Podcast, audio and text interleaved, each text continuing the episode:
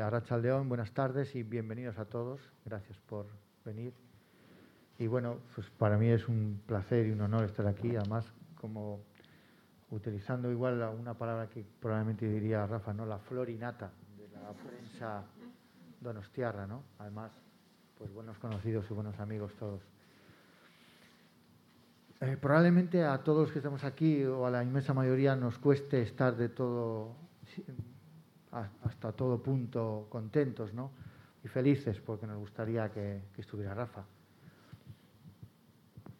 Para mí muchas veces cada vez que venía a Donosti era esto, era el, llamarle antes, el, poder estar con él charlando y, si podía pues quedar.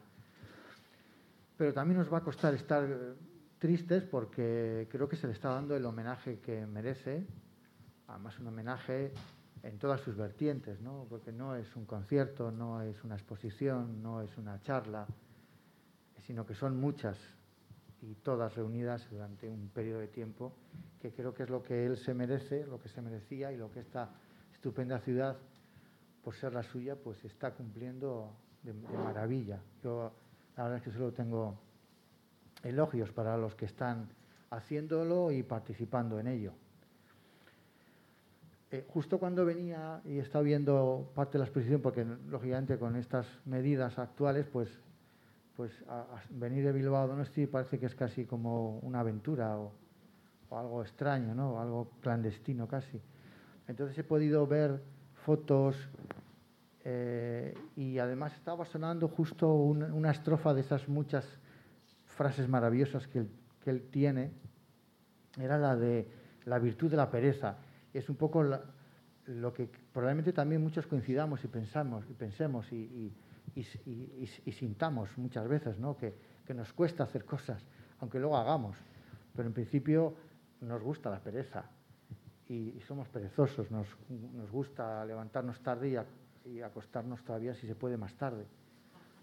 Y a la vez pues hilando con otras de esas canciones y frases que él tenía, pues eh, y hoy vamos a poder escuchar luego probablemente, aparte de lo que hablemos aquí, podemos escuchar también algo de una entrevista que, de Juan que ha preparado con frases y extractos de esa entrevista, en la cual él decía algo en lo que también vamos a estar muy de acuerdo, y es que lo que él hacía, si hacía las canciones y si se hacía la música era pues para gustar y para, para que le quisieran.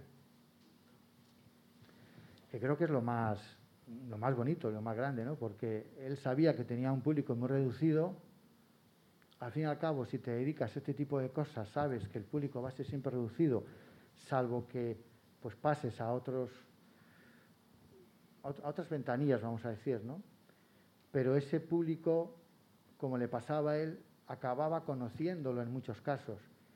Y, parte de ese público era la prensa. Yo creo que todos acabamos siendo amigos de él. Eh, el ejemplo son los cinco que estamos aquí, probablemente otros de aquí de Donosti, de Bilbao, de Madrid, de cualquier otra ciudad donde él actuara y donde a él se le conociera, ¿no? ¿Y por qué se hacía amigos de nosotros? ¿Y por qué nosotros nos hacíamos amigos de él? Pues porque él quería y porque sobre todo nosotros también queríamos. Porque le queríamos y porque le admirábamos.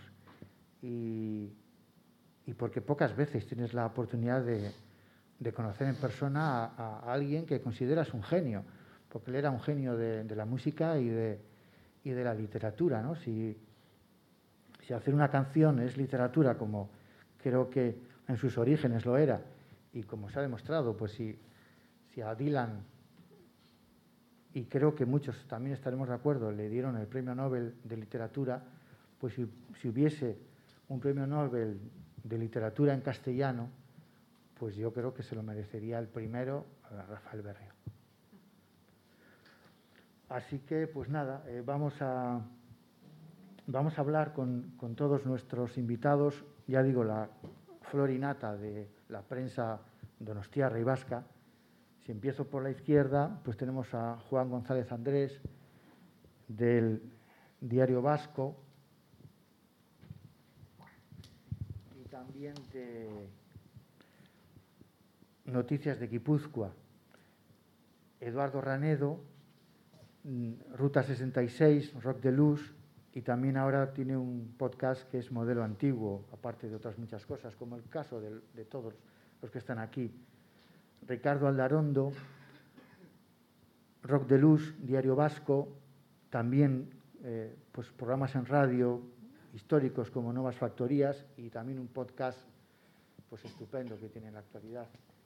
Y para mí el más mítico, y antes lo decía a ellos, porque, porque claro, eh, los que son de tu generación o los que han venido después, pues aunque les admires mucho, pues les has conocido después.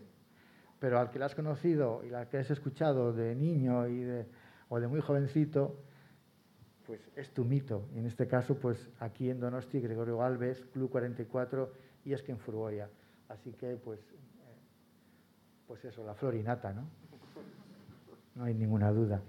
Vamos a hablar, en primer lugar, de, esas, un poco diferenciar el Rafa eh, persona, tan amigable como hemos coincidido todos, del Rafa personaje que creaba a través de su música y su literatura y que era admirable, ¿no?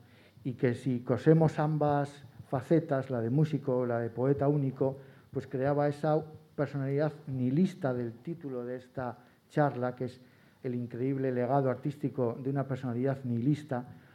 Pero yo también me atrevería a preguntarles si más que nihilista conociéndole como le hemos conocido a la persona y al personaje, no era también existencialista, ¿no? sino era una persona que de alguna forma se había creado esa especie de, personaje eh, de sus canciones. Ricardo, por empezar. Bueno, yo creo que eso es lo que debatíamos muchas veces con él. Y bueno, cuando le decías, son tus canciones crees que son deprimentes, crees que hay mucha gente que piensa que, estás todo el día tristísimo y rompiéndote la cabeza por lo difícil que es la vida y por la, el sinsentido de la existencia y todo esto. Y él, lo admitía por un lado y por otra parte le entraba la risa. Y sobre todo decía, pero si en mis canciones hay mucho humor. te lo tomabas como una de sus humoradas, pero es que al mismo tiempo es verdad. Eh, en él, en, la persona y el personaje, yo creo que ahí coinciden, eh, era muy serio con todo lo que hacía y todo lo que decía lo quería decir realmente, pero al mismo tiempo en su personalidad y en su forma de escribir hay una especie de humor soterrado, que igual también es, es una manera de existencialismo, en el sentido que es como una especie de defensa ante esa especie de, de, de, sensación de que todo esto para qué, como él decía, ¿no?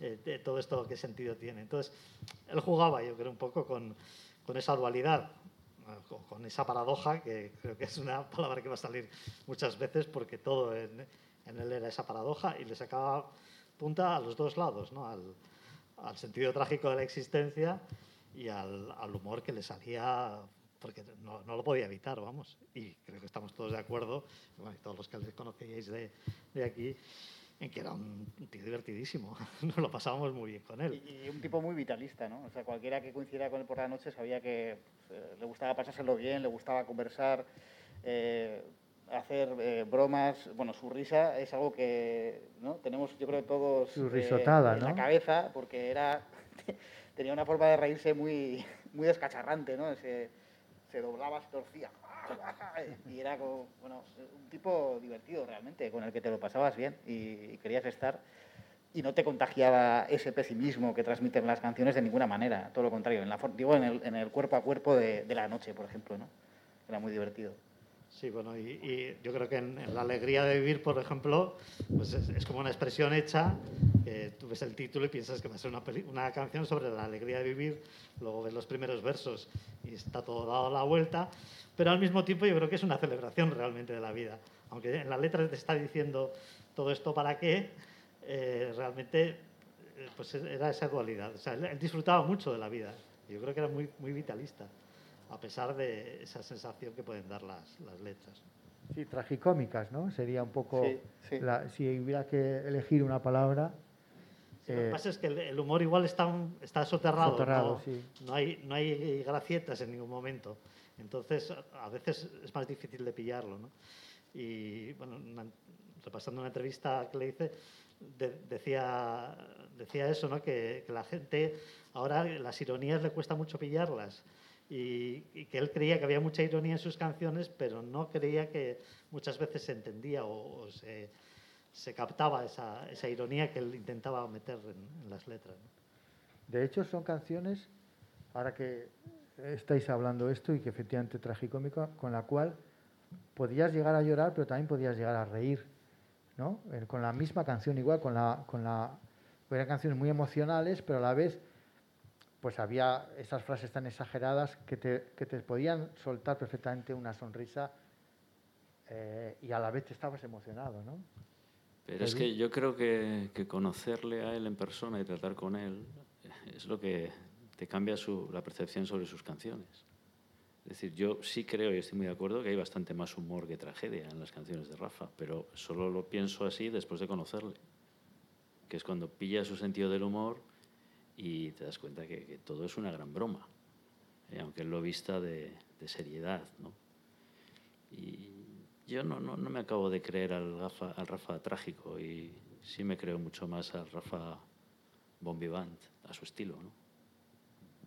Y además, antes eh, Ricardo mencionó una palabra que en estos tiempos que corren no está muy bien vista y es la ironía. La ironía, bajo mi punto de vista, es fundamental para poder vivir en distintas situaciones y sobre todo cuando vas cumpliendo tantos años. ¿no? En el caso de Rafa, yo creo que la ironía hay que resaltarla. Y a mí me encantaba ese trasfondo, esa paradoja que decías tú, ¿no? con unas letras soberbias y sobre todo con su enorme personalidad. Podemos hablar de dos grandes etapas ¿no? en su carrera artística. Primero, digamos, lo que podemos considerar como la etapa grupal, que empieza con UHF y que luego ya él, digamos, pues coge las riendas un poquito, un poquito ya más veinteañero con UHF, digo, con Amor a Traición y con Deriva. Pero luego está esa etapa eh, que inicia él en solitario, la de 1971, que la comienza en 2010, casi 2011, eh, antes de ayer, como quien dice, justo ha pasado una década, y que de alguna forma pues marca ese Rafa maduro y esa Rafa que ha conseguido pues llegar a, ya lo decíamos, no, a grandes públicos, pero sí a grandes minorías de, digamos, pues de las distintas eh, ciudades y de los distintos lugares. ¿Se puede hacer claramente esa distinción, Juan, entre las dos grandes etapas de grupal yo, y... Yo cuando me preguntas esto me siento un poco advenedizo porque peino canas, pero soy el menos veterano de, los cinco y yo le conozco eh, casi exclusivamente eh, pues de, estos últimos eh, diez años. recuerdo que mi primera vez eh, la primera vez que le vi en un escenario fue en el Bukowski, en una doble tarde que hizo de reunión de Deriva, aniversario, no sé, era un aniversario de, Deriva, no, perdón, de Amar la Traición, y, me, quedé, me quedé alucinado. Yo no tenía referencias de él. Deriva, Resilanda, sí que lo había cubierto como, como periodista, pero tampoco no, sé, no, me pidió en un momento en el que le prestara demasiada atención. Pero ese concierto de, del Bukowski fue alucinante, porque me pareció como, ¿y este tío por qué no, por qué no, le, por qué no le conoce todo el mundo? O sea, es increíble lo que, lo que es capaz de hacer, lo que transmite en el escenario, ¿no? Yo pues eso vi a, un, a, incluso hasta la forma en la que iba vestido, ¿no? A un Dylan, a un Durriz, que bueno, pues son dos de sus grandes influencias y bueno, me pareció que tenía una forma de estar en el escenario alucinante. Entonces yo no tengo, o sea, luego he, ido a su obra anterior y, la he descubierto, pero a posteriori, ¿no? En, su momento no, tuve la oportunidad de conocerlo, entonces no puedo hacer esa comparación, pero los últimos diez años... Eh, pero él necesitaba ser eh, él, digamos, claramente un, autor, un, cantautor, ¿no? Aunque luego en esa etapa que hemos dicho se asociara con los mejores músicos vascos, además rompiendo un poco ese esos nichos. Eh, eh, con Sergio lo comentaba antes, ¿no? que, que existen un poco entre los que cantan en euskera y los que cantan en castellano o en inglés. ¿no? Bueno, y, de otra generación, porque o sea, últimamente colaboraba con, con, con, gente. Eso es. Ya a veces le decía en plan, bueno, podrían ser tus hijos y tal, y se, se reía, ¿no? Porque, hostia, es que gente muy joven, ¿no? Pero es que era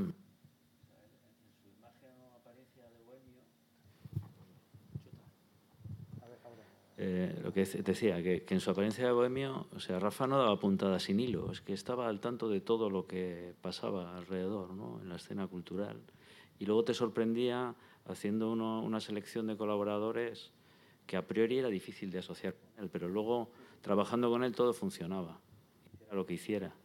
Entonces yo creo que él dedicaba mucho tiempo a, a madurar sus proyectos, quizá quería asumir un protagonismo, pero realmente era un protagonismo mm, relativo, ¿eh? porque luego las bandas funcionaban genial ¿eh? y, daba mucho espacio para que todo el mundo aportara lo suyo. O sea, no, luego sí que debía ser un, poco dictador en, su manera de hacer las cosas, por lo que me contaban a mí algunos colaboradores, pero es comprensible también. ¿eh? El líder, ¿no? Con respecto a la primera etapa de él, que quizás Ricardo y yo la vivimos más que vosotros. Bueno, pues es verdad que, no, que hay mucha diferencia entre los primeros años y su última etapa, ¿no? Pero ya entonces era diferente. Eh, yo le recuerdo, pues eso, como un crío eh, un, un, poco espitoso, un poco eh, llamativo. Y de cualquier manera, es verdad que en el grupo, en el grupo, en UHF, con todo lo bueno que eran, en el Donosti Sound con Mogollón y con Puscarra, pero él efectivamente en el grupo ya apuntaba maneras como de frontman, ¿no? Eh, él ya era algo más que un grupo solo. Eso sí es con, con diferencia eh, en la etapa eh, posterior se vio claramente que, que, él quería escribir sus propias canciones y, y bueno, yo no me quedo con ninguna de las dos etapas. A mí me gustó la primera y también eh, su media y su última etapa, sobre todo, sensacional. que cuando decía Juan lo de la presencia, presencia escénica, la tenía ya en ese momento. tenía 17 años cuando empezó con UHF. Sí, pero era un galán ya, era un galán. hicimos la, la gira del Donosti Sound, tendría 18 porque era, era el 81. Y salía al escenario, es que estoy viendo ese nervio que tenía, que igual a los que lo habéis conocido después eso os hace raro, pero bueno, era un chaval de 17 años, pero tenía ya una seguridad en el escenario. Mal les hacía un gesto así a los músicos como diciendo, venga, nervio, ¿no? Y, y tenía ya esa, le veías la influencia de Lou y le veías esa, esa especie de seguridad. Postura. Un, un poco una chulería, postura de... tenía actitud. Actitud, actitud. Tenía, era como retador, uh mirada y todo, miraba así. Y tiene una, una, fuerza tremenda. Bueno, aquí hay varios que lo pueden atestiguar, y Cheli y tal. Y, bueno, que, que, ya veías, que no solo él, el, el, grupo en general, porque tiene una base rítmica UHF brutal y tenían realmente mucha, mucha fuerza. Y él como cantante, aunque las canciones fueran muy diferentes, y él en los últimos años renegaba de esa etapa, no quería, en el libro Absolución no metió ninguna letra de UHF, tampoco quería que se reeditaran canciones ni nada, pero eh, hay letras que ya tienen algunos detalles. Eh, hay una que de, una, una chica, bueno, le promete a la chica que no va a volver a salir por la noche, que no va a tomar más drogas, que no va... O sea, está, está ahí un poco el germen. Entonces, lo piensas ahora y dices, joder, es que ya había ahí un, autor muy hecho, muy, distinto a lo de ahora, pero para tener 17 años realmente estaba ahí, vamos. Sí, sí, yo creo que además esa seguridad y esa actitud que habéis eh, nombrado, que era así desde entonces, yo creo que entonces era incomprendida. Y os voy a contar, eh, yo recuerdo en los 80 hablar con músicos donostiarras o guipuzcoanos y yo alguna vez con alguno haberle dicho, a mí me gusta mucho el disco de Amor de Tradiciones y tal, y mencionarme alguno, sí, pero el barrio es un poco chulo. Efectivamente... Estaba esperando que sacaras esa palabra. Sí, sí, porque efectivamente, eh, claro, llama la atención que un chaval de veintipocos años pues tenga esa seguridad y esa actitud y se puede confundir con una, con una chulería, ¿no? Cuando, pues, eh, además, pues, generalmente somos más tímidos y, en, y, en, este país más, ¿no? Y en Donosti creo que también. Bueno, pero él ha jugado también siempre con esa chulería, sí, sí, también de, de, más adulto, ¿eh? y, y, con ese punto de reto incluso con el público. Con hombre, con el público a veces amenazaba con largarse, eh, la frase esa de no quiero oír el vuelo de una mosca. Y, a veces, yo recuerdo una vez en el Lavadaba, uno de los últimos conciertos que leí en el Lavadaba, que también señaló a alguien del público que debía estar, pues, lo típico, hablando sin, sin parar durante todo el vuelo y, hostia, le miraba y acojonaba. ¿eh? en, el concierto de la cripta fue de lo más tenso, porque estuvo tres o cuatro canciones, había en la primera fila una pareja que estaban hablando y bueno, cada vez que terminaba la canción se dirigía a ellos y les decía, me voy a ir. Como no os caéis, me voy. ¿Qué tenéis que hablar tan interesante? Así. Y yo creía que se iba a ir realmente. Y después de tres o cuatro momentos así realmente muy tensos, de repente se echó a reír y empezó la siguiente canción. Le gustaba mucho jugar. Sí, o lo mismo, yo, yo, recuerdo una vez en el, en el muro, uno, uno que hizo él solo también, no sé, pues hace tres o cuatro años, que montó una tómbola con su sobrino eh, Gema, supongo que estaba allí y se acordará, fue divertidísimo. bueno, fue un, concierto anticlimático porque eh, de repente lo, paraba continuamente para, contar historias, para hacer una rifa de... No, recuerdo qué es lo que se rifaba, pero bueno, era, podías eh, sentir el peligro más absoluto en sus conciertos, pero también estar frente a situaciones muy hilarantes, ¿no? Sí, normalmente eran las dos cosas juntas, el peligro y la hilaridad. Vamos a hablar un poco de sus, de sus referencias musicales y literarias, porque probablemente tienen el mismo peso las musicales, que son claras, ¿no? Eh, y además eh, clásicas y atemporales. Pues Lou Reed, Leonard Cohen, eh, Dylan, el primer Serrat, con las literarias, que por supuesto tenían, como digo, un peso muy importante. Baroja, Gil de Viedma y, tantos otros, pero también sus antecedentes familiares. Y eh, eso me gustaría que hablarais, los que más le habéis conocido, de esa, a, ese nivel, ¿no? Que tenía, su padre fue también cantante, ¿no? Cantante de tangos, creo, o algo parecido, o de boleros, con lo cual ya había ahí un antecedente musical que no suele ser lo habitual, porque realmente vamos a hablar de generaciones espontáneas en los músicos en la mayoría de los casos, y en el suyo no, ¿no? Había ese antecedente, no sé si habéis llegado, si habéis a conocer, es que yo eso lo desconozco. te iba a decir eso, que a pesar de conocerle desde tan joven, no llegué a, saber un poco esas, esas cosas, esos antecedentes familiares, o no tuve contacto más que con su hermano Iñaki, que sí que fue una influencia muy, muy grande en él. Compartían mucho en cuanto a literatura, la forma de escribir, etcétera. Y bueno, y aparte que Iñaki fue parte de, de, o sea, fue coautor de algunas canciones, de Amor sobre todo el primer LP, el segundo también. Entonces, pero más allá de eso no, no, no lo sé. Pues entonces nos quedamos con las referencias puramente artísticas, musicales y literarias que pesaban.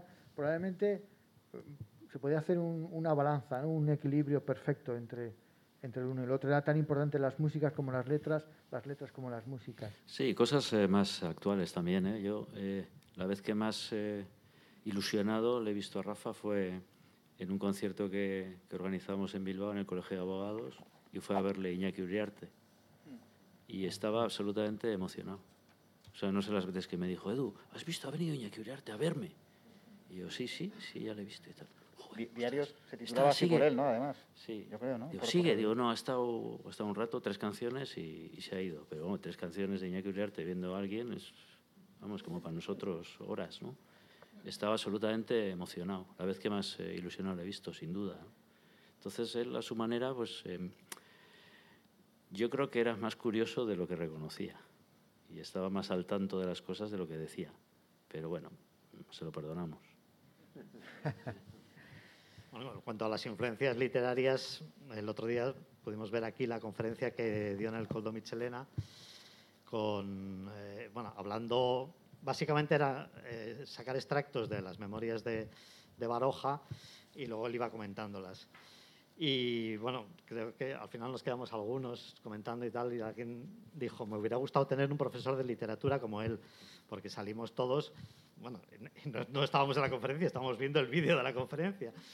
Y aparte, que es apasionante y que cuando tengáis oportunidad os recomiendo que la, que la veáis entera. Eh, por una parte era cómo, cómo leía los extractos de Baroja, con su entonación, su forma de, de expresarse, y es que estabas viendo a Baroja y Berrio eh, a la vez, ¿no? Eh, o sea, era como uno influyéndose al otro. Y luego los comentarios que hacía que eran muy agudos, muy divertidos. Y bueno, yo creo que muchos pensamos que, eh, que hubiera tenido un, un, futuro también como conferenciante, como, como experto en literatura, pues realmente sabía mucho y había sabido captar muchas cosas de la literatura, literatura sí, que le contaba gustaba. con pasión, ¿no? Antes hemos eh, puesto el paralelismo de que habría sido un buen, un buen profesor ¿no? de literatura sí. probablemente porque contagiaba esa pasión sobre las cosas de las que, de las que hablaba. A mí en una entrevista, la primera que le hice hace ya unos años, eh, decía que después, del, después del, de amar y ser amado, lo más importante para él era la, la literatura. O sea, es, es, era su, su pasión primera, vaya. Me ha recordado ahora Juan que efectivamente que tenemos unos cortes de, esa, de esa entrevista y hemos hablado ya de varias cosas. No sé cuál de ellos es el más apropiado, pero creo que todos van a ser apropiados y van a ser bien recibidos y lo vamos a pasar bien escuchándole. Por ejemplo, eh, escuchamos el que habla sobre, además es de lo que íbamos a hablar ahora, sobre que él era tan suyo que de alguna forma se le podía considerar un cantautor, pero atípico venía del rock, pero también era un rockero atípico. Como músico también se le puede considerar eh, atípico. Y, hablando de esto, que lo vamos a hablar después, pues el corte en el que dice que a él lo que no le gustaría sería hacer música americana. A él no le gustaba la, el, el, rock americana. Sí. Y bueno, esto es eh, un extracto, perdonad la calidad del, del, audio que no es, muy, no es muy buena, pero ya sabéis que, bueno, esta en concreto creo que la hicimos en casa de una entrevista doble que, que hice con José Ras en Perena y con Rafa, a cuenta creo que de diarios. Y esta la hicimos en su casa y creo que el sonido, en casa de José Ras y creo que el sonido es, es, bueno, pero luego igual escucharemos algún otro corte que no es muy allá porque está grabado en un, en un bar, que es donde solemos hacer los periodistas las, la mayor parte de las entrevistas. Eh, entonces, bueno, eh, aquí hablábamos de eso, de, de, del rock, ¿no? Y, y, de cómo lo entendía él, que, que era pues, algo más eh, rock de tipo más eh, urbano que, que, que, americano, que de, de, estilo americana, ¿no? Sí, de raíces americanas. De raíces americanas, que eso no le interesaba nada. Hay, hay una cita también por ahí en, el, en, en, la exposición que dice que eso, que el blues, que, uf, que le entra urticaria, o bueno, pues esto va un poco en la misma línea. Y hemos querido rescatar tres, cuatro cortes que vamos a escuchar a lo largo de la charla un poco pues para para recordarle con, con, su voz, ¿no? Y supongo que, que nos, nos, sacará a todos una, una, sonrisa, espero. Enseguida, enseguida llega, enseguida suena al blues y a la música americana, ¿no? Cosa que, que yo, o sea, a mí me repugna, ¿no? O sea, que, que una, un, una, composición mía suene como a, a, a americana, ¿no? Es que, ¿por qué les ha dado todos los grupos de pop de... Este, este es José Ra, en Perena. Desde hace 15 o 20 años sonar americanos, porque, sí. porque antes no, no era así, ya. ¿no? En los 70 los no sonaban americanos, ya. O, no sé, muy griegos. y a todo el mundo sí, sí, sí, Bueno, y la, y la, y, esta avalancha de, cantautores americanos como muy slow, ¿no? Muy down, down, ¿no? Están, están por todos lados, ¿no? A mí me, uf, me da un poco de, pues eso, ¿no? urticaria y pues que una canción mía suene como,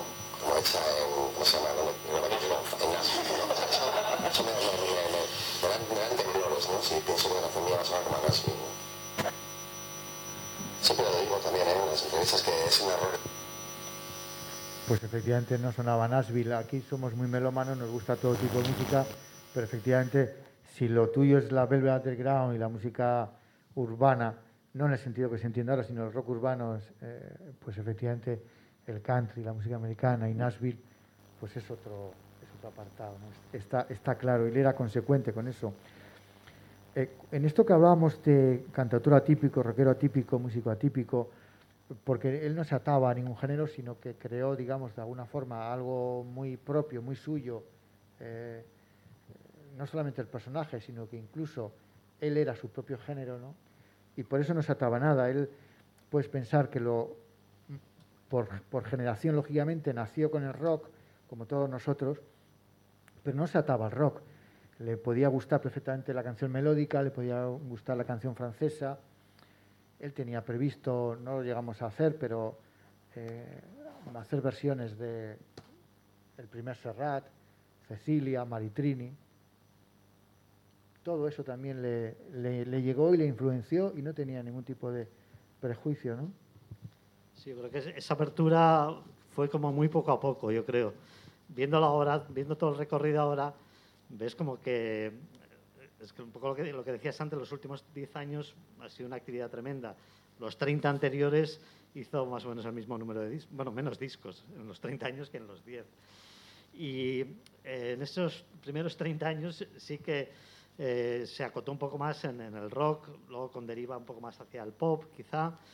Pero fue, digamos, en los 10 últimos años es cuando se abrió, se explotó toda, todo lo que tenía dentro. ¿no?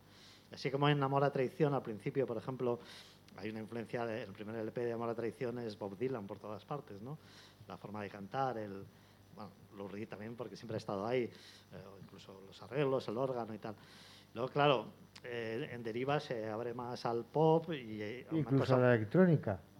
Sí, también, sí, sí. En la segunda parte de Deriva. Sí, sí, es sí. lo más fallido, pero bueno, pero fue un intento. Sí, y, y, más melódico, digamos, ¿no? La forma de cantar. Pero claro, ya con 1971, con los arreglos orquestales de José Perena y tal, explota un nuevo berrio que, que es realmente cuando te, te, das cuenta de la dimensión que, que puede alcanzar y que alcanzó verdaderamente, ¿no? Aunque en deriva las canciones son buenísimas y enamora de traición y las letras también, etcétera. Pero en lo que decías de la apertura de estilos, pues eh, sí, realmente a partir de 2010 fue impresionante. ¿no? Pero a mí, a mí me, o sea, me da que pensar que a pesar de, de, todos los palos que toca en su carrera, que son aparentemente disparatados, si los comparas eh, uno con otro, en ningún momento hizo nada que pareciera impostado. O sea, todo tenía una hilazón. Una coherencia. una coherencia que era él, ¿no? O Incluso, sea, en la, incluso en la zarzuela. También. O sea, realmente Había algún tema solo de la él zarzuela podía hacer había, una había algunos temas de la zarzuela que parecían escritos por él Sí. y eran de Baroja. Y que, y que surge con naturalidad, no es decir, bueno, ahora voy a hacer otra cosa para que vean que puedo hacer muchas cosas distintas, ¿no? Supongo que de repente tenía una necesidad, y, como cuando hizo Paradoja, ¿no? Que, bueno, antes ya nos contaba, ahora voy a hacer un disco de guitarras, porque voy a coger las, el tipo de secuencias de acordes de Nirvana y voy a trabajar a partir de eso. me quedé un poco alucinado. Y luego a Y, mí, y- a y mí me luego hace gustó, el disco y tiene coherencia con todo lo anterior, ¿no? a mí me gustó también eh, el trabajo que hizo eh, sobre Poch. Eh, ahí, desde Fantástico. luego, fue algo soberbio. Soberbio, soberbio. Otra de sus grandes O sea, influencias, claro. Claro, sí. y, y con lo de Poch, además, eh, hubo como dos o tres ocasiones, ¿no? Eh, la primera en Jareño, en Eguía, aquel concierto de varios grupos con canciones de, de Ribos Arias y con la exposición de Maribí Barrola, que, que estaba francamente bien. Y luego, bueno, pues la que tuvimos aquí, la sesión que tuvimos aquí, que por cierto, venías tú a la mesa redonda para presentar el libro y no vino el chico. Echar en cara. ¿eh? Claro, no vino el chico porque trabajaba muchísimo en aquel entonces y casualmente me encontré con Rafa a la entrada de, de la Casa de Cultura Antigua, aquí, y me dijo, hombre, Gregorio, eh, eh, nos, falla, nos falla Ricardo, eh, ¿puedes hacer tú algo? Digo, chico, yo sí, pero no, no he preparado nada ni nada. Y bueno, estuve en esa mesa redonda. Y luego el concierto fue extraordinario. Tanto es así que yo le dije, bueno, cuando presentaban el libro de Carlos Rego, de Sí, Ríos exacto. Arias, un libro muy bien documentado del periodista eh, gallego, Gallego. Carlos Rego, eh, fantástico, ¿no? Y yo le dije, Rafa, ese trabajo que has hecho con las canciones de Poch, hay que volver a hacerlo en directo porque es que ha quedado genial. Y luego lo hizo, efectivamente, lo El volvió a hacer. a ti, dilo. Lo hizo otra vez El y, Palacio Miramar.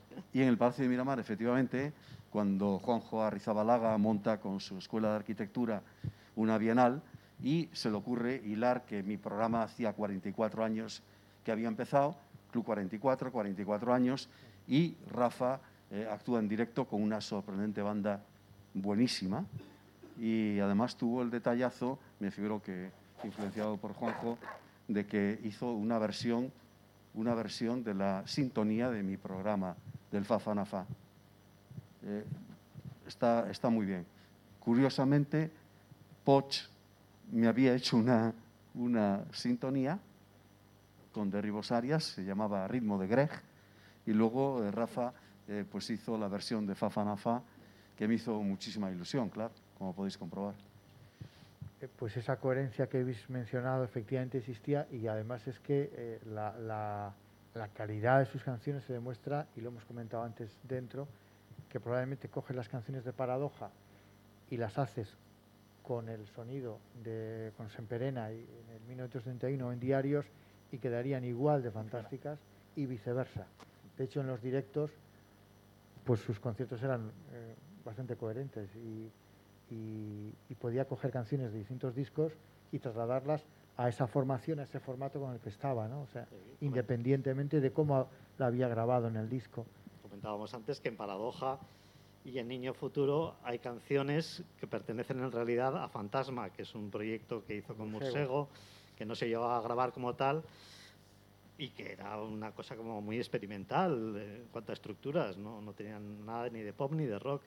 Y sin embargo coge canciones que hizo o partes de aquel espectáculo, digamos, porque era una especie de espectáculo, y las traslada a, un, a dos discos tan distintos como Paradoja y, y Niño Futuro, incluso también Abolir el Alma, que era el homenaje a Ciorán. O sea, realmente es, es, curioso cómo hacía esos trasvases y todo funcionaba, siendo cosas tan distintas. ¿no? Sí, pero porque la, la clave era la, la, letra, sobre todo, ¿no? Y eh, eh, Fantasma eran, era casi un proyecto en, en, el que no cantaba demasiado, ¿no? Si no recuerdo mal, eran spoken word, o esto que también le gustaba mucho a él, casi recitados, que además tenía una voz espectacular para, para recitar y vocalizaba de forma maravillosa, ¿no? Y te quedabas embrujado solo, te podrías, yo creo que te, te podría excitar leyendo la lista telefónica, ¿no? Listing telefónico, ¿no? Bueno, ahora, ahora, algunos de los grupos que están tocando en el homenaje eh, te comentan eso, ¿no? Que, qué cabrón, Rafa, era impo es imposible cantar como él. Claro. Es imposible reproducir las canciones como él las hacía. Hay que hacerlas de otra manera porque es dificilísimo cantar como él cantaba, ¿no? incluso hablar como él hablaba. Lo que hemos dicho, que era su propio género y, sí. y, intransferible. O sea, puedes hacer una canción de Berrio, pero no puedes hacerla como hacía Rafael. No, y es muy difícil seleccionar eh, un disco o una canción de Rafa. Es, a mí me parece imposible. Posible. O sea, ¿cuál es el mejor disco de Rafa? A ver quién es el guapo de, que lo dice. Y la, tu canción favorita de Rafa Berrio. Es imposible elegir una. Igual esa ha sido muchas veces la, su dificultad para llegar a más público, ¿no? Porque... La paradoja, otra paradoja. Bueno, todos son paradojas. De eso hablaremos Pero, también, de, de, de, por qué no llegó a, a más público, ¿no? Es otro de los apartados. Yo creo que es una de las razones. Bueno, igual que sí. No, no, sigue, sigue. No, eso que, que bueno, como decía Edu, que que es difícil quedarte con una canción y también la primera vez que escuchas una canción, supongo, yo claro, como le seguí desde el principio, pues no sé, pero si ahora alguien de repente hace cuatro o cinco años escucha una canción de cualquiera de sus últimos discos, tengo la sensación de que la primera no va a decir qué bueno, qué, qué especial, qué, o sea, tardas un tiempo en descubrir todo lo que hay ahí y el pedazo personaje. Claro, hay, la comparación con el vino, ¿no? Que el buen vino necesita un sí, tiempo sí, sí. y un pozo, ¿no? Sí, sí, exactamente. Y que tienes que también saber apreciarlo, ¿no? Claro. Y no tuvo un descubrir single. todo lo que hay dentro. no tuvo un single, efectivamente. Efecti y es una pena porque a lo mejor alguna de sus canciones podía haber figurado en alguna película y ahí a lo mejor se hace más publicidad y puede... Bueno, sucedió con, con, con Trueba, ¿no? Con, ah, con Trueba, es verdad, pero otro tema, algún Pero tema fue más una película redondo, minoritaria. ¿no? Sí, no pienso bajar más al centro, es, es un poco lo Quizás, único que eh, podía más- acercarse a un single, a un himno a un personal, ¿no? Es que Amor a Traición Pero- ya, ya tenía singles muy buenos y encima lo distribuyó lo que entonces era Drogas, sacó una compañía medianamente importante, pero es que no llegó, no sé por qué, porque en aquel momento, en los, eh, a finales de los 80, a principios de los 90, era eh, la música en castellano, el pop que sonaba en las emisoras y demás, pues hubo muchos grupos o unos cuantos que tuvieron muchísimo éxito, pero otros se quedaron ahí y entre ellos Amor a Traición. Sí, es que el disco salió en grabaciones accidentales, pero no tuvo promoción, no tuvo proyección. Vamos a hablar también de, de su método de trabajo, que no sé si estaréis eh, conmigo en que era sobre todo más obsesivo que, que por supuesto visceral o incluso apasionado. ¿no? Él eh, podía estar rumiando una letra, me imagino que también una música durante mucho tiempo, meses, y insomnios incluso, ¿no? Edu. Yo solo puedo hablar por lo que me han contado, ¿no? gente que ha trabajado con él. Y es que a él le gustaba llevar, lo que he dicho antes, ¿no? llevar el, control total. ¿eh? No me imagino un Rafa apasionado trabajando. Pero sí eh, una meticulosidad extrema. ¿no? Claro, así le quedaba luego las cosas, ¿no? es que es, es perfecto, todas las letras son perfectas, hasta las canciones más livianas aparentemente, ¿no? Pues Lejos de la Furia el viernes, por ejemplo. Es imposible meterle mano a una sola palabra. Y ya las que se vienen arriba, tipo Niño Futuro y demás, pues ya es otra, otra galaxia, ¿no? Entonces, supongo que sí que había mucho más de, de rigor y de paciencia. Incluso diríais de control, controlador. Yo creo, sí. O sea, cuento lo que a mí me han, me han contado, ¿no? Pero bueno, también a veces cuando te, se juntan a colaborar eh, artistas brillantes, los egos tienen mal acomodo, ¿no? Entonces, igual no había tanto control y sí un poco que el otro se siente desplazado, ¿no? No sabes bien. Pero no, no sorprende que, que Rafa aceptara pocas injerencias externas, yo me lo creo, porque probablemente si las aceptara sería para conseguir un resultado peor del que él hubiera conseguido. ¿no? Y para traicionarse. Sí, no sé si él llegaba a tanto, ¿no? A, Hombre, a verlo como una traición, pero... Alguien que cultiva una letra y que está dándole vueltas durante cinco años o seis años, o, bueno, en esta exposición hay algún ejemplo, ¿no? Y a través de un vídeo que, que, que, que, han hecho que, está muy bien y que se ve eso, ¿no? Cómo le, estrujaba las palabras, eh, daba mm. vueltas, ponía alternativas, bueno, las palabras y las melodías también, que al, final, es verdad que también nos, nos, fijamos siempre mucho en las letras de, de Rafa, pero eh, a él yo creo que por alguna conversación que, que, tuvimos le daba también pena que no se eh, pusiera en valor su música también, porque es algo a lo que dedicaba también mucho tiempo, aunque siempre escribía, el primero escribía las letras y luego le ponía la. Yo, creo que el, tema de las letras se valora tanto por contraste, porque es difícil encontrar gente que escriba canciones a ese nivel. Entonces, lógicamente, lo tienes que poner en valor porque, a ver, en castellano no encontramos cinco así, sinceramente lo digo, ¿eh? no hay.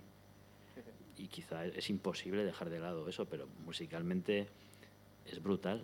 O sea, a partir de, sobre todo en la última época, yo creo, a partir de 1971, todo lo que vino después, todo soberbio musicalmente.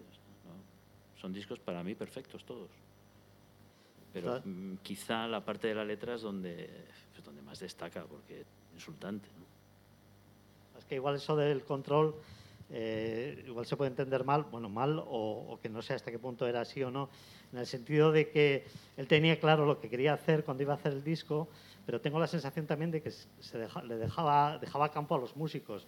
En la banda de Paradoja, por ejemplo, cuando le entrevisté con ese disco, él mismo me decía que, que los músicos habían aportado mucho y, me lo creo Lucho, bastante. Lucho Neira estuvo ahí de productor también. Tienes, y, ¿no? tiene esa los directos, desde luego, había una aportación de los músicos importante.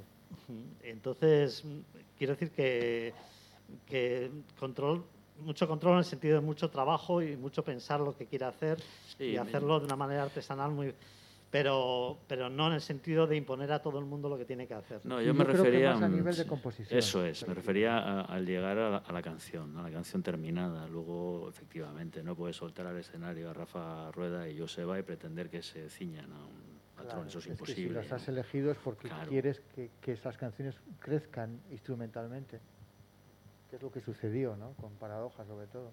Yo creo que fueron los mejores conciertos de su carrera, por lo menos desde que yo le conozco fueron los de esa gira, los de la gira de Paradoja con ese grupo. Sí, sí, yo recuerdo el, mes de septiembre en que presenta Paradoja en, el Café Anchoquia de Bilbao, que ese concierto fue, yo lo he dicho muchas veces, para mí el mejor concierto que he visto a un artista en castellano. fíjate si hemos visto a lo largo de los años, ¿no? Y a nivel de lo muy, muy, muy grande, entre miles de conciertos, pues estaría ahí, ¿no? Miles de conciertos a nivel internacional, claro no ya solo en castellano. Eh, la decadencia y el paso del tiempo.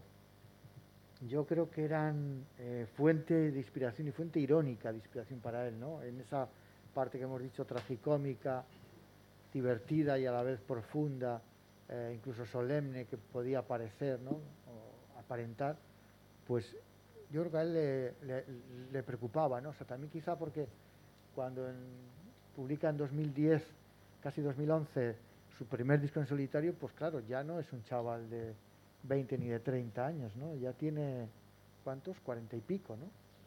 Y le preocupa esa, esa, esa, ese pasar del tiempo y saber que no te queda demasiado.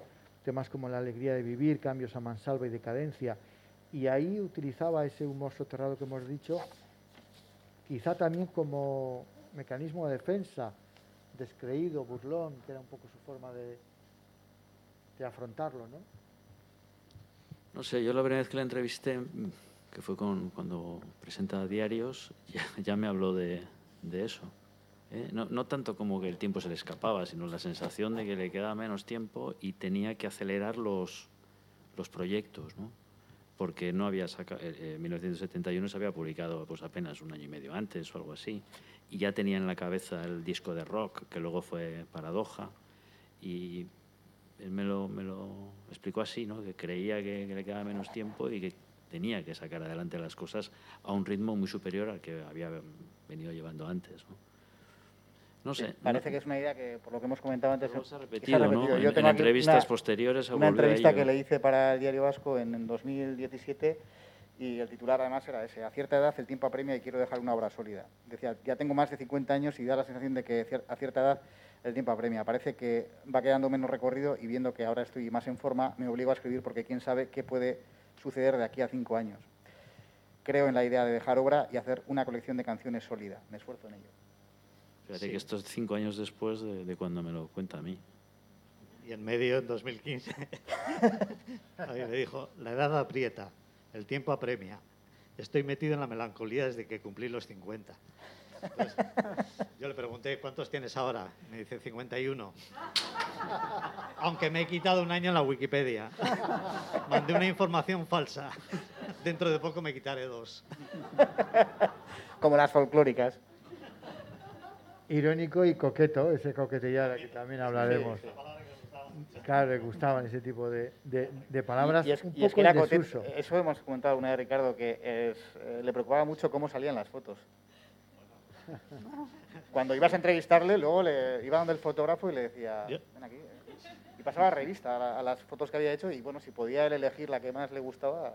Y que artísticamente se le llamara Rafael Berrio, no Rafa, porque yo recuerdo una vez que puse Rafa, porque claro, como le llamabas Rafa, y, me dice, ya, si no te importa, ponme Rafael. Digo, ah, vale, vale, vale, no te preocupes.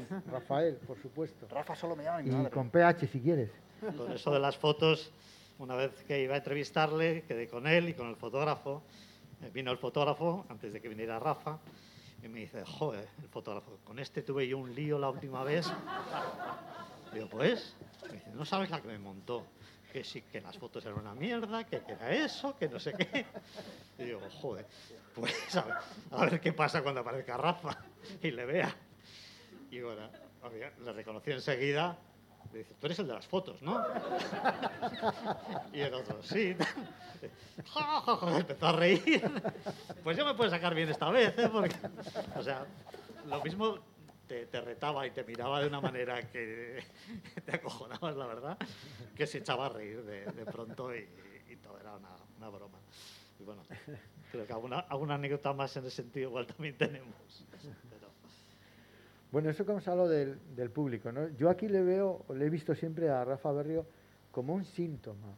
¿Síntoma de qué? Pues de un país que condena precisamente al malditismo a, a sus grandes creadores, mientras otros y no hace falta dar nombres, pero autores, vamos a decir, ripiosos, músicos esquemáticos, planos, pues consiguen grandes aforos y llenan plazas de miles de personas, ¿no?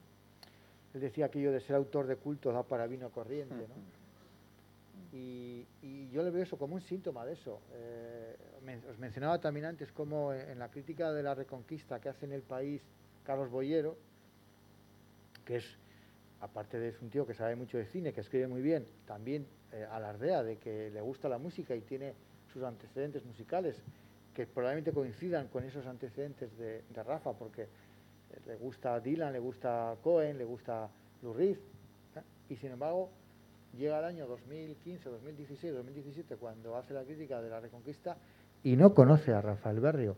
Eh, yo es que me quedé mucho con eso. Escribe que un cantautor que aparece cuando eran contratos que aparecía varias canciones, en directo y también dentro de la banda sonora del score de la película y aparecía él como intérprete y ahí se demuestra que alguien como Boyero no le conocía. Entonces, ¿cómo veis un poco eso como, como síntoma de eso, de, que este país pues tiene muy olvidados a, a sus creadores, si no son mainstream, si no son famosos, si no salen a la televisión, etcétera, ¿no?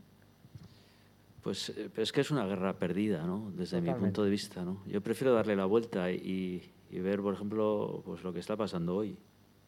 Eh, y esta exposición y, los conciertos que, se están haciendo, ¿no? Para recordarle. Eh, esto no es habitual, no es común. Hay muchos autores de culto que han desaparecido y, y no han tenido esto ni nada parecido. Entonces, yo prefiero quedarme con eso. para no deprimirnos todos. O sea, es obvio, es obvio. Pero yo creo que Rafa estaba muy contento, muy orgulloso del público que tenía, porque yo creo que, se jactaba ¿no? de que era un público ¿eh? intelectual, formado, cultivado, como decía él. Probablemente le hubiera gustado que fuera más amplio, pero yo tampoco creo que hubiera estado cómodo con un público mucho más amplio. ¿eh? Entonces, eh, me puedo equivocar. Una, me recuerdo una entrevista que le hice, no le, no le hice muchas porque eh, mi compañero Forky trataba un poco el tema más cultural y, yo recuerdo una, entrevista que le hice al hilo de lo que cuentas, que bueno, eh, era grabada y nos pusimos los cascos y eh, pues lo típico, me oyes, me escuchas, vamos a grabar y me suelta así de repente, qué voz. Y digo, Rafa, pues tú, la tuya tampoco es mala, ¿eh?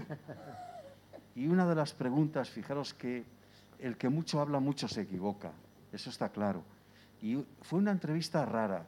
Y, una de las preguntas fue, Rafa, imagínate que, tú y que yo hubiéramos sido más guapos. Yo podía haber estado en televisión eh, presentando La Edad de Oro, como caso. ¿Y tú a dónde llegarías? Y con esa forma un tanto eh, irónica y socarrona que tenía, con esa dejadez en la voz, preciosa voz, por cierto, me dijo, déjalo, déjalo estar, algo así me dijo, déjalo estar, yo estoy bien donde estoy. o sea que, que, bueno, es verdad que en estos tiempos que corren, la verdad, hay una palabra que a mí me asusta, con los años te vas haciendo, pues eso, muy abuelito, y, y una palabra que me asusta es el, la palabra talento. Hoy para cualquier cosa en la sociedad actual se utiliza la palabra talento. Ojo, el talento no abunda, hay que, hay que reconocerlo. Talento tenía raza, otros talentos también los hay, pero talento todo el mundo no. Y la televisión pública no hace absolutamente nada. Se han perdido los programas de música de verdad. Menos mal que hoy tenemos Internet y gracias a Internet pues podemos quizás escapar un poco de, y buscar algunas otras alternativas. Pero está claro que, que, no hay nada que hacer, como dices tú. Sí, totalmente de acuerdo, pero sí que es penoso que estaba claro que nunca iba a llegar a, a, esas audiencias de miles, eso está claro. Pero que vaya a Bilbao, a Madrid, aquí en Donosti, lógicamente tenía algo más, y en vez de haber 100, que haya 250 300 personas, él hubiera agradecido mucho y la economía de todos también, porque al final es que eh, lo que hemos dicho antes, lo hemos hablado, un artista que, que, tiene ese público que lo tienen otros, de 300 personas en cada ciudad importante, pues al final puede sobrevivir con la música. No se hace millonario, no se hace rico, pero puede sobrevivir. Pero eso podría haber ocurrido, ¿eh? yo creo que podría haber ocurrido. Nunca sabes qué tecla hay que tocar para que pase, eh, pero yo creo que una tallita más podía haber logrado. ¿no? quizá llegan, los últimos discos quizá llegan un poco tarde, eh, cuando ya digamos el negocio va cambiando y va demasiado rápido y, y, sacar discos como 1971 diarios es que son más punk que el punk. Sacar ese disco en ese momento, ¿no? cuando te estás peleando, pues yo qué sé, creo que había entonces. ¿no? Es muy difícil. Así como es muy difícil encontrar a alguien que lo escuche, alguien un poco versado en el tema y no le llame la atención o no lo valore, pretender que la gente deje, no sé, a la Zoe y se ponga a escuchar a Berrio, pues no es realista. No, Quizá en otro momento, eh, eh, diez años antes, quizá, pero nunca lo sabremos. ¿no? Tantos grupos que, que, se han quedado cortos o tantos proyectos que, que, tenían que haber llegado a más gente y no han llegado, pero es que tampoco está en manos de nadie, yo creo. Y es en manos de todos y en manos de nadie. Es, no sé lo que decía antes, creo que es una guerra perdida. ¿no? Los discos no habrían sido mejores tampoco, por eso. O sea. Está claro, yo sí que lo veo como síntoma del país porque creo que este, esta calidad de autor en otra lengua, es no, decir, en, Francia, en otro país, en Francia no habría sido en así. Francia hubiera sido grande, pues, y, en, y en países anglosajones ni te cuento. O sea, porque es que, ¿por qué no existe aquí eh, un equivalente, lo que hemos dicho, a, a, un, a un Dylan? Pues, pues podría haber sido Rafa, ¿no? O a un, a un. Pero es que fíjate, la, fama y las ventas y, lo importantes que son estos nombres, si lo comparas con el perfil eh, en castellano de Rafael Berrio, que era para unos poquitos, y no podría salir de aquí, ¿no? Sí, él solía decir eso de que le, se conformaba con tener, no sé... Sí, 150 de decía. 100 personas 150 le oído más una vez. Yo creo que en el fondo sí le habría gustado tener un poco más. Claro, un poco más. Un poco, un poco lo que decías tú, Eduardo. Eh, ese, ese escalón más, ¿no? Eh, no te la comentábamos. eh, en realidad, eh, un- su actuación en Donosti, su actuación más, más grande eh, fue la, la última, la, de- la del teatro principal, ¿no? En la que más público La primera vez que actuaba en un teatro eh, en Donosti, que Sí, era quita- su plaza. quitando Adiós a la Bohemia, que era otro formato, Zarzuela, bueno, con Ángela Molina, y bueno, que bueno, se supone que era otro, otro estilo si quieres, pero por lo demás él, pues en, en su propia ciudad, que es donde más, eh, donde más se le reconocía y se le apreciaba, pues eh, sus salas eran eh, Gastescena, Inchaurrondo, el Dabadaba, el Muro eh, y el Bucos, ¿no? Sí, quizá a mí la- lo que más me frustra un poco de, de que se haya ido tan pronto es que creo que estaba en, en el mejor momento de su carrera. Y habría gustado ver qué era capaz de ofrecer después y si iba a seguir creciendo, porque la realidad es que cuanto más hemos visto a Rafa ha sido al final. Y cuantos más proyectos ha tenido y más le han llamado, y claro, esa es la manera de ir creciendo, ¿no? O sea, 10 años más de Rafa, pues igual hubiera tenido un, un último tramo de carrera, pues en plan Cohen, Cohen con Rufus Wainwright y a tope todo. O sea, no sabemos. Exacto, hubiera sido otra década realmente, prodigiosa claro, como que- ha sido la de. Claro, es que la 2010. última es brutal. Entonces suma, porque cada cosa que hacía tenía todo el sentido. Entonces te plantas a Rafa con 70 años y con un escenario tipo Rafael, Rafael el otro. Y es que yo me lo creo, o sea, no, no me resulta nada. O sea, podía haber ocurrido, ¿no? Pero Sí, de hecho, ya, ya alguna vez ya comentamos, qué bonito habría sido hacer los discos de, de Diarios y 1971 con la Orquesta Sinfónica de Euskadi, o, o yo qué sé, o con un, eh, un pequeño conjunto de, de cuerda, ¿no? Y, y él, él sin, sin nada, porque lo que decíamos antes, la forma que tenía, el lenguaje no verbal, la gestualidad que tenía era impresionante a la hora de- era, era un intérprete Teatral. mayúsculo, era muy teatral, Sí. eso es y verle, por ejemplo, eso, ¿no? Al frente de, de una, de, de una orquesta, eh, cantando él solo, libre de instrumentos y a- al estilo del, del vídeo de Simulacro, que es bellísimo, habría sido maravilloso. A propósito de esto, vamos a escucharle el corte 7, donde dice que uno compone para que a uno le quieran más. Eh, no, no me. Me doy cuenta que casi, casi siempre escribo para, para mis amigos, ¿no? Para que, es- para, para que lo escuchen mis amigos, ¿no? Y para impresionar, ¿no? A mis amigos. Pero a mi círculo de amigos. O me imagino, ¿no? Unos pocos, ¿no? E impresionarles, ¿no? Pues, o, fin, sorprenderles y para que se rían un poco, ¿no? Eh, también el disco antes no te, no, te no te comentaba, pero es un disco que está lleno de humor, ¿no? aunque no lo parezca, pero está lleno de humor y de ironías y de... En fin, yo creo que tiene mucho humor, todas las canciones, ¿no? Sí, es un, un punto tragicómico, ¿no? Sí, tragicómico, sí, eso es. Sí, es un poco grotesco también, ¿no? Las, las mujeres de este mundo, ¿no? O sea, es una cosa. Una, hace poco una mujer me decía, "Joder, esa, esa canción es, es terrible. Y yo digo, "Puta, no es nada terrible, es una canción como. Es, es, es grotesca, pero es. Pero es, es, eh, es cómica. Como, eh, Yo me moriré un día borracho junto a una tapia, eso es grotesco. ¿no? Todo eso es para, para decir que las mujeres de este mundo no son lo mejor que te ha ocurrido y tal. Pues. Esto, ah, no, bueno, lo se está diciendo mis amigos, ¿no? Sí, sí, sí, los ratos distinguidos. Pero bueno, son cosas. En realidad yo compongo para ese pequeño grupo, ¿no? Un núcleo para impresionarles, para impresionar a ciertas mujeres también que me interesan impresionarles. Como siempre, ¿no? Yo creo que sí. Yo creo que se compone y se canta pues para que a uno le quieran más. Eso lo dice todo. No lo digo yo, solo. Y sea, como una labor un poco de exhibicionismo también, ¿no? un poco, sí, sí, sí, me imagino. Pero a, pe- a claro. Yo, yo no entiendo la gente que, que tiene grande, gran éxito, ¿no? Que tiene un público enorme y tal. Eso deben, deben de volverse locos, ¿no? Porque eso, eso debe ser terrible. No, o sea, yo es inimaginable, ¿no? Yo ya te digo, escribo para, la gente que es... Incluso muchas canciones son bromas internas. Son gestos. De, inteligencia, ¿no? Entre personas. Entre dos personas que se conocen y tal. Entonces, yo para eso escribo. Y siento que tengo gran éxito, ¿no? Porque, porque entre, entre esa poca gente, ¿no? O sea, minoría, ¿no?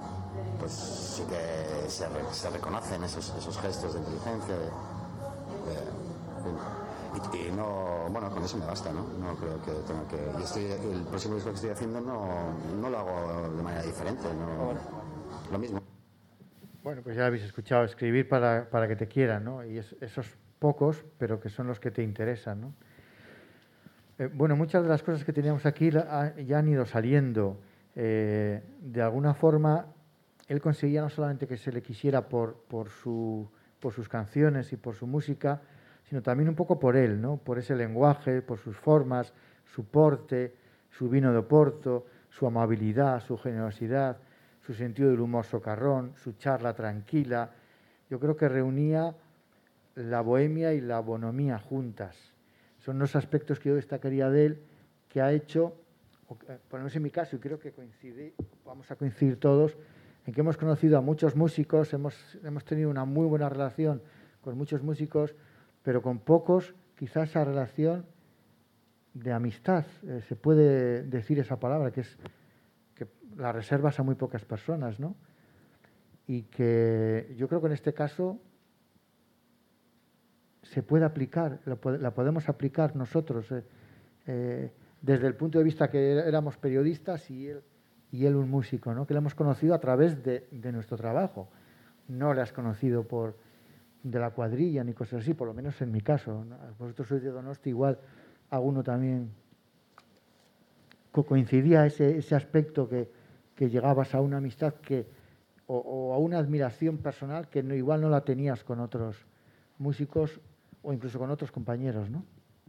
Bueno, yo, yo creo que, eh, un poco hilando con, con lo anterior, a él le gustaba que le reconocieran. Eh, igual no tenía esas aspiraciones de ser muy importante, pero aparte de querer tener un público un poco más un poco mayor, eh, sí quería que le reconocieran, pero no por una cuestión de, de ego, que puede parecer también, sino eh, porque él ponía mucho en, en lo que hacía, y lo hacía, como hemos dicho antes, una- de una manera eh, bueno, como un artesano casi obsesivo. ¿no?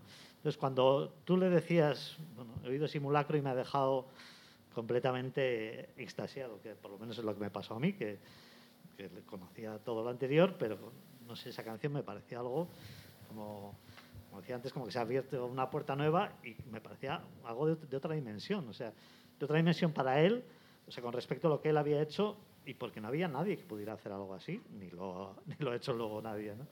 Entonces, a él, cuando le, le decías esto y se lo, se lo decías de una manera sincera, no sé si como periodista o crítico musical o como amigo, o las dos cosas a la vez, pues a él le gustaba, lógicamente, y, y se creaba una complicidad, porque luego él también admiraba lo que... O sea, eh, tú sacabas un reportaje y te decía, me ha gustado mucho, eh, pues gracias, o sea, y, y le, le gustaba que, que, lo sa- que sacaras algo sobre él por- porque difundieras lo que él hacía, no tanto, insisto, por, por, por ego. ¿no?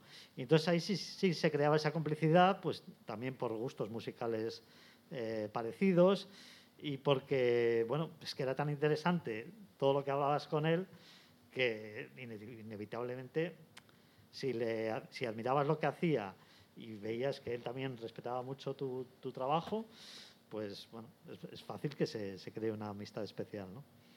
Sí, las entrevistas con él es que eran una fiesta, o sea, era eh, llevar la mochila vacía y llenarla de titulares. Eh, podías estar una hora y media hablando con él y muy, pues eso, muy, socarrón, muy, muy ocurrente, muy culto, eh, pero luego de repente, antes os, he leído una de, de repente te, te, te, podía estar hablando de, de Cioran y, y en, el siguiente, en la siguiente pregunta te soltaba que era flexivegano. ¿no? Y, que, y que, eh, no bebía nunca antes de la hora de comer, pero que le gustaba beber desmesura, desmesuradamente y un montón de, chascarrillos que, que, bueno, te hacían que te, que te rieras un montón con, con él y, pasaras, eh, bueno, las, las, eh, era una gozada ir a entrevistarle, es eh, un disfrute, vaya, no sé, vosotros que... Cuenta de los titulares, yo me acuerdo que la vez que le entrevisté yo, me dio uno, pero no me atreví a, a, ponerlo, porque llevaba ya pocos años viviendo en Donosti y, y no me atreví. Es que él, él solo hablaba de San Sebastián, San Sebastián, entonces le pregunté, no, nunca dices Donosti y tal. Dice, no, Donosti, eso dicen los horteras. Es una de no. Entonces no me, no, no me atrevía a, a, ponerlo en la entrevista. Y luego sí, luego ya lo he, lo he, puesto y lo he leído por ahí. ¿no? Supongo que eso lo diría más gente, pero a mí me llamó muchísimo la atención. Sí, yo, a ver, eh, el tema de la amistad es una palabra que a mí me da mucho respeto. Y además creo que la relación entre los eh, que hemos sido, somos periodistas musicales y los artistas, hay una línea ahí eh, muy delicada. Tú conoces a muchos artistas, a algunos de toda la vida, les sigues, les admiras o no, pero tienes buena relación. Pero yo no sé si es una relación de amistad, tengo dudas. Me da la sensación de que no, de que al final hay un interés mutuo y muchas veces, paradójicamente, es más el interés que tiene el artista cuando a él le interesa que el tuyo, que al final, bueno, pues van pasando los meses, los discos, los trabajos y... Bueno, es una impresión mía que puedo estar equivocado, ¿no? Y yo no me atrevía a, pensar que yo podía ser amigo de Rafa, a pesar de que realmente teníamos bastante relación y en los últimos años más, ¿no? Pero Gema un día me lo dijo, dice, bueno, en los últimos años os fuisteis haciendo amigos. Entonces yo ahí me sentía totalmente legitimado para poder presumir de que era amigo de Rafa. ¿no? Yo es que eh, me resulta complicadísimo ver la faceta trágica de Rafa. De hecho, es que no se la veo. Y el nihilismo también me queda lejísimo. O sea, lo veo como parte del personaje, pero no de la persona. Pero precisamente creo que ha sido a, raíz de, de tener una relación con él, digamos, fuera de la música, incluso fuera de la noche también donde muchos eh, coincidían con él. ¿no? Entonces creo que la persona, en mi caso, eh, es lo que da sentido a toda su obra y por eso que igual hago una lectura de sus canciones diferente a la, a la habitual. Sí, yo por eso hago, hacía la distinción precisamente que con Rafa con respecto a otros tantísimos músicos a los que tratas y con los que tienes una relación muy buena, pero con la que es más difícil llegar a, a, congeniar y a, y a, tirarte pues mucho tiempo hablando sin, mirar el reloj ¿no? y sin ninguna intención. O sea, si no le has llamado ni te ha llamado para que le organices un concierto o le hagas una buena crítica, ni viceversa. Igual ese ha sido el primer motivo, pero luego has hablado durante una hora y dices, ostras, aquí hay algo con lo que no, con otro he estado hablando anteriormente y lo, lo hemos resuelto en diez minutos. Igual entremezcas alguna broma, algún comentario de algo concreto, pero lo dejas ahí, ¿no? Y por eso os decía, si os ha pasado a los demás, ¿eh? en, mi caso era, es que era eh, hablar con ella estar una hora, o sea, hora, hora y pico, o sea. Pues está claro que es, estoy totalmente de acuerdo con lo que dice Edu, de, de, que hay ese interés mutuo, tú quieres entrevistar a alguien y a ese alguien quiere que le entrevistes y que le saques en la radio, en el periódico, en la revista, donde sea. Pero eso lo suele solucionar en unos pocos minutos. Entrevista aparte, ¿no? Y sin embargo, cuando te pasa eso con alguien, que te pasa con muy pocas personas, no es el único, pero son muy pocas, pues y cuando además, pues efectivamente, te gana por esas formas que hemos hablado antes, ese lenguaje, esa movilidad, esa generosidad. Yo traté también a nivel económico, a nivel muy pequeño, porque eran recaudaciones pequeñas, como hemos dicho antes, pero eh, enseguida ves que cuando hay dinero de por medio hay gente que enseguida por, por, un euro, y lo digo así, por un euro, o sea, te puede discutir una cosa. Y, y él era todo lo contrario, a mí a veces me decía, déjalo. Eh, no, no, yo le decía, ha salido tampoco que, que no. Y no, no, no, lo tuyo, o sea, cosas que a mí me llamaban la atención, porque a cualquier músico, y lo entiendo, ¿eh? porque están todos con el agua al cuello, o la mayoría, por lo menos con los que tratamos nosotros, el mundo, digamos, más underground, es que le dices que les perdonas tal y te lo coge, y es normal, lo entiendo. ¿eh? No lo digo como ninguna crítica hacia nadie. Y él no, no, o sea, era, era al revés, por eso me... Sí, yo tampoco me atrevería a hablar, en mi caso, de amistad en el sentido de que decía Edu, eh, pero sí de una relación... Cómplice. Complicidad, complicidad es la palabra que iba, iba a utilizar, porque él generaba esa complicidad. Hombre, supongo que no con todo el mundo, se tenían que dar un poco ciertas circunstancias, pero sí que generaba esa, esa sí, porque al final le, bueno, le frecuentábamos mucho, pues eso, cada disco que sacaba le, le, le entrevistábamos y, y, se generaba esa complicidad que luego a veces también se cultivaba después de los conciertos, tomándonos algo, hablando de qué tal había estado. Y es verdad que sí que respetaba el trabajo de, de los, de los periodistas, de los compañeros. Y a mí también alguna vez eh, ya me solía hablar de lo que yo había escrito. Y bueno, sí, era un respeto mutuo eh, y consideración hacia el trabajo bien, bien hecho, bueno, en el que has invertido un esfuerzo. ¿no? Él lo hacía con su música, nosotros al escribir de, de lo suyo y, bueno, eh, sí, una complicidad, respeto. Bueno, en mi caso yo tampoco, yo no me puedo considerar amigo suyo ni, ni de lejos, pero, pero sí un, gran admirador y, y, alguien que siente un respeto por su obra y por su persona inmenso. ¿no? Como decía, la mayoría de las cosas ya las hemos ido sacando, eh, pues si, si, quieres, Jerry, pero bueno, pero eh, hay, hay, un, hay sí. un, pasaje que, que puede ser eh, divertido ahora que para cerrar este bloque de, de Rafa, Rafael Berrio como entrevistado eh, y, volviendo a enlazar con lo de su carácter paradójico, ¿no? Eh, en las entrevistas a veces afirmaba una cosa y, poco después la contradecía, se contradecía a sí mismo, ¿no? Y, si, si, se, si le pillabas, se descojonaba vivo. Entonces, bueno, vamos a,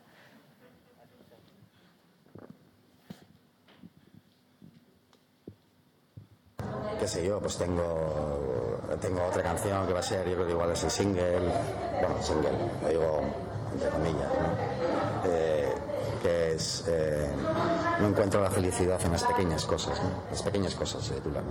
Es una canción todo lo contrario de lo que la gente sí. habla de las pequeñas cosas de la vida, su encanto inefable, yo digo todo lo contrario, ¿no? Que no, no satisfacen nada, ¿no? las pequeñas cosas de la vida que necesito. Eso es ser iconoclasta, ¿eh? porque es verdad que está como muy asumida esa idea claro. de no, en las pequeñas cosas. Eso es. Eso lo... Luego tengo otra canción sobre el presente, ¿no? que también ¿no? me, me, harta toda esta gente que habla de que el, hay que vivir el presente. ¿no? Y yo digo todo lo contrario, ¿no? que el presente no existe. ¿no? Bueno, y la entrevista sigue es imposible vivir en el presente. Su curso y que, dos o tres preguntas después. Los temas son pocos, la verdad. Los temas son, son pocos, pero bueno, hay tantísimas maneras de abordarlos que hay, son infinitos. Pues, Vamos a hablar de cualquier. de cosas mínimas. ¿no? Lo más, igual lo más nimio es lo más interesante. ¿no? Lo más. un pequeño detalle, una tontería, ¿no? Y pues. Ahí, ahí, te estarías contradiciendo con lo de las pequeñas cosas. es la risa de Rafa. Bueno, eso, lo, eso, lo digo un poco para, para empatar, ¿no? un poco para, para provocar. Esas brutales que sí. se sueltan ahí. Sí, eso lo digo un poco para provocar. Y en el fondo todos tenemos, creo, bueno, el tema, en fin, lo, cuando, cuando lo lance, ¿no?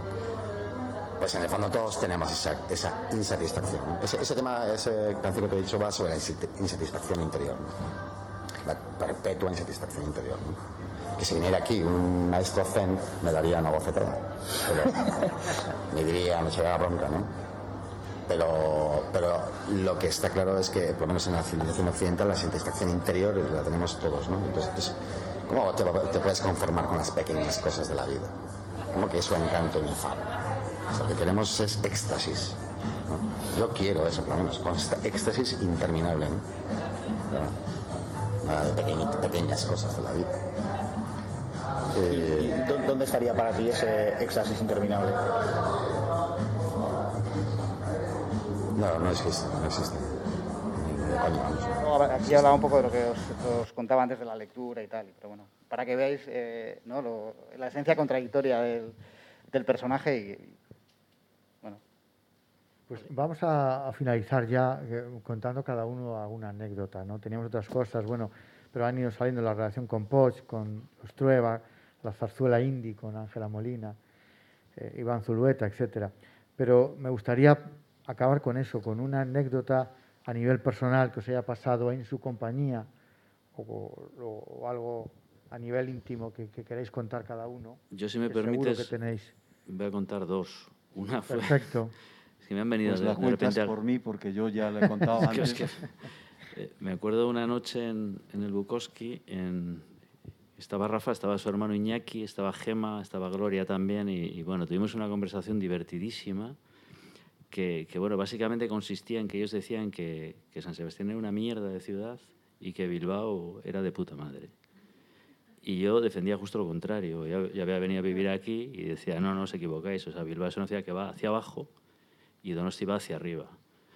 Y luego Iñaki, eh, que tenía una columna en el Diario Vasco, en la contraportada, lo contó en la columna, esa, esa conversación. Me hizo gracia y me hizo mucha ilusión también, porque era como verte arropado ¿no? por esas leyendas, ¿no? Lo- la, la Berrio Family. Y luego la otra es, es, bueno, esa sí que es personal, porque es que cuando yo hice 50 años, me organizaron los amigos la típica fiesta sorpresa y tal, y bueno, tú estabas implicado. Y eh, tuvieron la brillante idea de, de hablar con Rafa para que tocara en mi fiesta sorpresa. Claro, yo no sabía nada. Y si lo llego a saber me había llevado un disgusto porque, pues, pero ¿cómo sois capaces de, de pedirle a Rafa que toque? Pues fui yo el bueno, pues culpable. fue Jerry y Sí. bueno, Pedro, que está por ahí también. Bueno, Sí, montaron yo una lo que le pedí además es que reformara una, una letra O sea, digo, pues, para esa que gente se es- dedicara. O sea, en fin, desaprensivos, pero bueno, lo que hace la amistad. Bueno, llegó el día en cuestión y Rafa fue a la fiesta, pero llegó tarde a propósito para no tocar. Y claro, yo veía que algunos estaban como enfadados, joder, Rafa, ya le vale y tal. Y luego cuando me lo contaron, o sea, yo estaba encantado porque me pareció perfecto. Digo, hostia, Rafa ha venido a mi fiesta, pero no se ha rebajado a tocar en mi fiesta, que es algo impropio de un artista. O sea, que Rafa tiene una categoría mucho mayor que tocar en la fiesta sorpresa de un Bueno, cantamañanas que Elton hace John 50 va a años. tocar a, la, a Entonces, para mí, de, de, eh, hijos de grandes petrodólares. y Sí, pero bueno. Elton no, John, digo. eh, pe- o sea, Pues- me pareció eh, perfecto. O sea, que la resolución final fue, eh, a mi gusto, la, la que más contento me dejó. ¿no? Si llega a tocar, me hubiera dado tanta vergüenza. O sea, me hubiera sentido. Y sin embargo, así me pareció perfecto, porque era Rafa en plenitud. Y nada, y estuvimos en la puerta del buco riéndonos mucho esa noche. Y aunque alguno pues, estaba enfadado con él, pero bueno, desde luego no fue, no fue mi caso. ¿eh? Yo te puedo contar el proceso de cuando se lo pedimos por primera vez, que dijo que sí, y en las siguientes iba un poco reculando y efectivamente hasta llegar a lo que hizo, que efectivamente era lo... eh, por otro lado, pues sí, pero nosotros pues también, o en No, hombre, este caso... está claro la, la ilusión de que pasara y demás, pero yo desde mi punto de vista mm, creo que fue perfecto así, ¿eh? que, que fuera a la fiesta, pero no subiera al escenario. No sé, es que la que se me ocurre eh, es un poco eh, del, del Rafa Borde. Como antes he contado la otra, pues igual es un poco reiterativo. Pero bueno, tiene, tiene final feliz. Porque, bueno, una vez me llamó al, al periódico, yo había hecho un reportaje eh, sobre Mikel Erenchun, que hacía tres, tres días, tres noches seguidas al Victoria Eugenia, un concierto resumen de su carrera, en el que estaba invitados Iván Ferreiro, eh, Enrique Bumburi, bueno, más, más gente de Leiva, y me mandaron a hacer un reportaje del ensayo que hacían por la mañana. Eh, los que tocaban ese día, porque cada día intervenían unos músicos diferentes. Entonces entrevisté a Leiva y a Iván Ferreiro, que eran los que estaban ahí en el Victoria Eugenia, y saqué un reportaje con eso.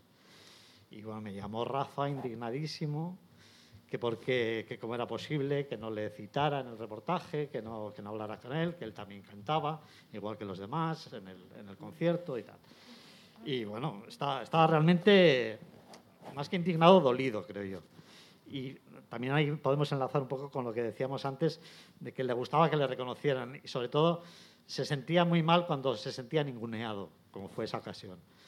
Yo no sabía ni, ni por dónde salir, pues decía, no, es que entiende que tú estás otro día y yo he hecho eh, simplemente el reportaje del ensayo de hoy, bueno, de ayer, y he escrito pues lo, que había allí, nada más.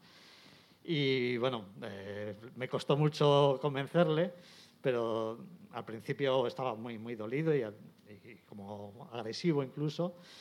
Y a partir de ahí fue cuando realmente nuestra amistad, o lo que podemos llamar más o menos amistad, nuestra relación se fortaleció mucho, porque sí, eh, es un poco la contradicción de lo que decíamos antes, ¿no? Se podía poner eh, en un momento dado como borde, eh, no, me gusta escuchar teniendo razón, porque tenía razón en ese caso, pero a partir de ahí surgió toda esa cercanía y esa complicidad que, que él generaba. ¿no? Muy bien, no sé si tenéis alguna cosa más que. Yo, igual yo aprovecho, ya que tengo aquí los cortes, para poner, para bueno, ir terminando con, con la voz de Rafa y, y, algún, alguno de los cortes hilarantes de, de las entrevistas. Eh, aquí eh, estábamos hablando José con José Ra Semprena ayer en esa entrevista de la que os hablaba antes. Eh, José Ra presentaba un disco, ya sabéis, eh, porque conocéis todos que, que, bueno, es pianista y no recuerdo qué disco era ahora exactamente, pero bueno, pues eh, aquí hablábamos de música instrumental y que, decía Rafa que, a él le gusta mucho y que de hecho en casa procura no, escuchar a cantantes. A mí me molesta escuchar, en mi casa por ejemplo, me molesta escuchar música cantada. Y sin embargo me, me agrada muchísimo estar en casa con música instrumental, es que me, es que me encanta. Pero igual porque la tienes de fondo, ¿no? si estás escuchándola... O sea, que, que, en mi casa esté cantando un cantante me... ¿Sabes? que no sea yo. Me molesta. Que no sea yo. No que no sea yo. Qué bueno. o sea, cuando, siempre que pongo en casa música me, me doy cuenta que pongo música... Bueno, yo pongo, escucho música, música clásica, ¿no? Y me gusta poner... Como yo el disco de José lo, lo, tenemos en casa, no es por nada, pero es, lo tenemos en casa puesto siempre en el plato del lector. Y es que me encanta o sea, me molesta que haya un, cantante, o sea, no, vamos, no, me para nada hagas nunca música que cantar. No, no, no, porque no, porque no te pondrá Rafa en su casa. y nunca ni lo he intentado, ¿eh? ni es una cosa que falte. O sea, puedo sentir otras faltas, ¿no? De, pero la letra no. no. Y, y, y, otra ya para, para, terminar, en la que a veces en las entrevistas también eh, yo creo que pecaba un poco de, de falsa modestia, ¿no? Y, vais, vais a comprobarlo para que los dos conocéis vuestros límites, ¿no? Me imagino. Qué duda cabe, ¿no? Ahí, ahí estamos, ¿no? Porque él está aquí yo ahí estoy por intentando hacer, intentando aprender el oficio de hacer canciones, ¿no? Y, ensayo y error, ensayo no es lo que siempre se dice, ¿no? Y cada disco intentando hacerlo mejor, ¿no? Ese es el oficio, ¿no? Que tanto cuesta aprender, que algunos lo hacen muy rápido, algunos a los 25 años ya han hecho un disco estupendo, que a mí me parece da mucha envidia eso, ¿no? Y yo todavía, a mi edad, y todavía casi, casi, me considero un, principiante, ¿no? Haciendo canciones. Eso es un oficio muy largo. nunca se aprenderá de todo, además. No. No.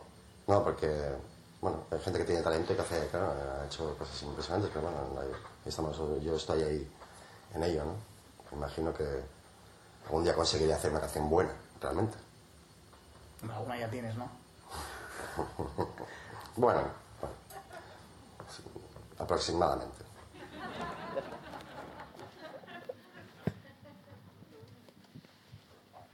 Pues Tenemos tiempo, quería comentar una, una, cosilla. No, al hilo de lo de que cuántos titulares daba siempre, pensaba estos días también eh, la cantidad de expresiones o frases de títulos de sus canciones o frases de, de las estrofas de sus canciones que, nos han dejado un pozo tremendo. ¿no?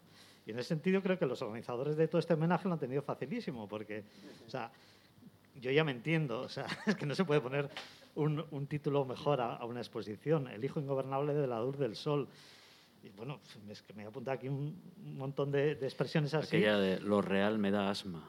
Lo real me da asma.